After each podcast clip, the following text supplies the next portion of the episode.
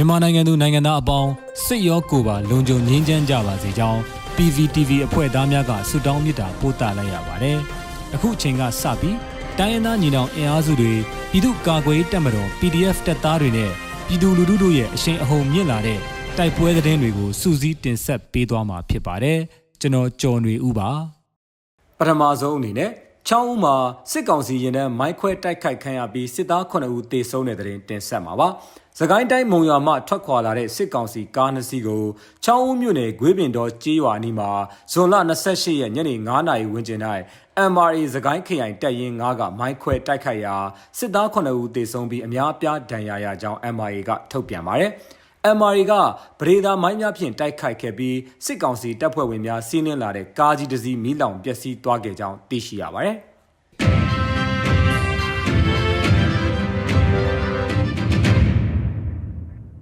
ဂရထစခန်းမှာတိုက်ပွဲဆက်လက်ပြင်းထန်နေတဲ့တဲ့တင်ဆက်ပါမယ်။ကရင်ပြည်နယ်မြောက်ဦးမြို့နယ်တောင်ပိုင်းရှိဥဂရထစစ်ကောင်စီခြေကုပ်စခန်းကို KNLA KNDO ပူးပေါင်းတပ်ဖွဲ့က3ရက်ဇက်တိုက်တိုက်ခိုက်နေပြီးယနေ့ဇွန်လ29ရက်နနက်ပိုင်းမှာအင်အားဖြည့်တင်းလာတဲ့စစ်ကောင်စီတပ်နဲ့တိုက်ပွဲဆက်လက်ဖြစ်ပွားနေကြောင်းသတင်းရရှိပါရယ်။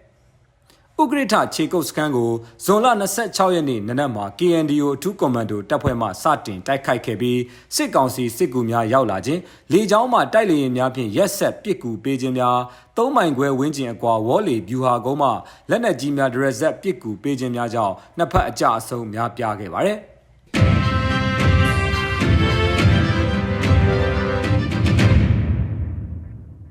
မြန်အောင်နဲ့ပင်းတရမှာရဲနဲ့စစ်သားများပြစ်ခတ်ခံရပြီးစစ်သားတအုပ်တေဆုံးတဲ့တဲ့တင်တင်ဆက်ပါမယ်။အေယာဝတီတိုင်းမြန်အောင်မြို့နယ်မှာရဲများပြစ်ခတ်ခံရပြီးရှမ်းပြည်နယ်ပင်းတရမှာလည်းစစ်တပ်ဂိတ်တစ်ခုပြစ်ခတ်ခံရက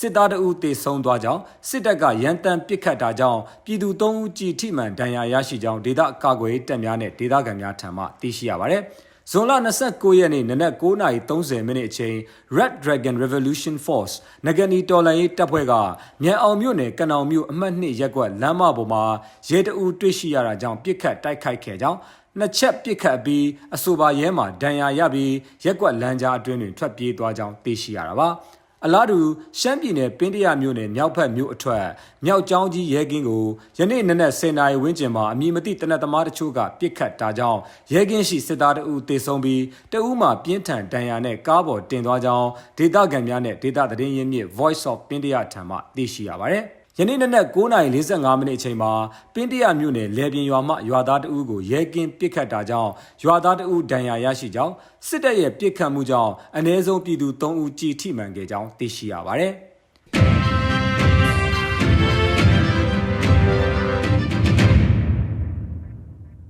နောက်ဆုံးအနေနဲ့အမျိုးသားညီညွတ်ရေးအစိုးရပြည်ထရေးနဲ့လူဝင်မှုကြီးကြပ်ရေးဝန်ကြီးဌာနက2022ခုနှစ်ဇွန်လ29ရက်ရက်စွဲနဲ့ထုတ်ပြန်ခဲ့တဲ့ပြည်သူ့ခုခံတော်လှန်စစ်တရင်အချက်လက်တွေကိုတင်ဆက်ပေးသွားမှာပါ။အာနာသိအကြမ်းဖက်စေအုပ်စုရဲ့ပြည်သူလူထုအပေါ်ကြမ်းဖက်ဖိနှိပ်ဖန်ဆီးတိုက်ခိုက်တပ်ဖြတ်နေမှုများကိုပြည်သူလူထုတရက်လုံးကအသက်ရှင်တန်ရေးအတွက်မိမိကိုယ်ကိုမိမိခုခံကာကွယ်ပိုင်ခွင့်အရာပြည်သူခုခံစစ် People's Defensive War ကိုဆင်နွှဲလျက်ရှိပါတယ်။ သတင်းအချက်လက်များအရ2022ခုနှစ်ဇွန်လ28ရက်အင်္ဂါနေ့မှာစစ်ကောင်စီတပ်ဖွဲ့ဝင်64ဦးသေဆုံးပြီးထိခိုက်ဒဏ်ရာရရှိသူ19ဦးအထိခုခံတိုက်ခိုက်နိုင်ခဲ့ပါတယ်။စစ်အာဏာရှင်စနစ်မြမအမြေပေါ်မှာအပြည့်တိုင်ချုပ်ငင်းရေးနဲ့ Federal Democracy တည်ဆောက်ရေးအတွက်ငြိမ်းချမ်းစွာဆန္ဒပြတဲ့လူထုတပိတ်တိုက်ပွဲများကပြည်내နဲ့တိုင်းဒေသကြီးများမှာဆက်လက်ဖြစ်ပွားပေါ်ပေါက်လျက်ရှိပါတယ်။မြေပြင်မှာတော့ယခုတွေ့ရတဲ့သတင်းအချက်အလက်များထက်ပို၍ဖြစ်ပွားနိုင်ပါတယ်ခင်ဗျာ။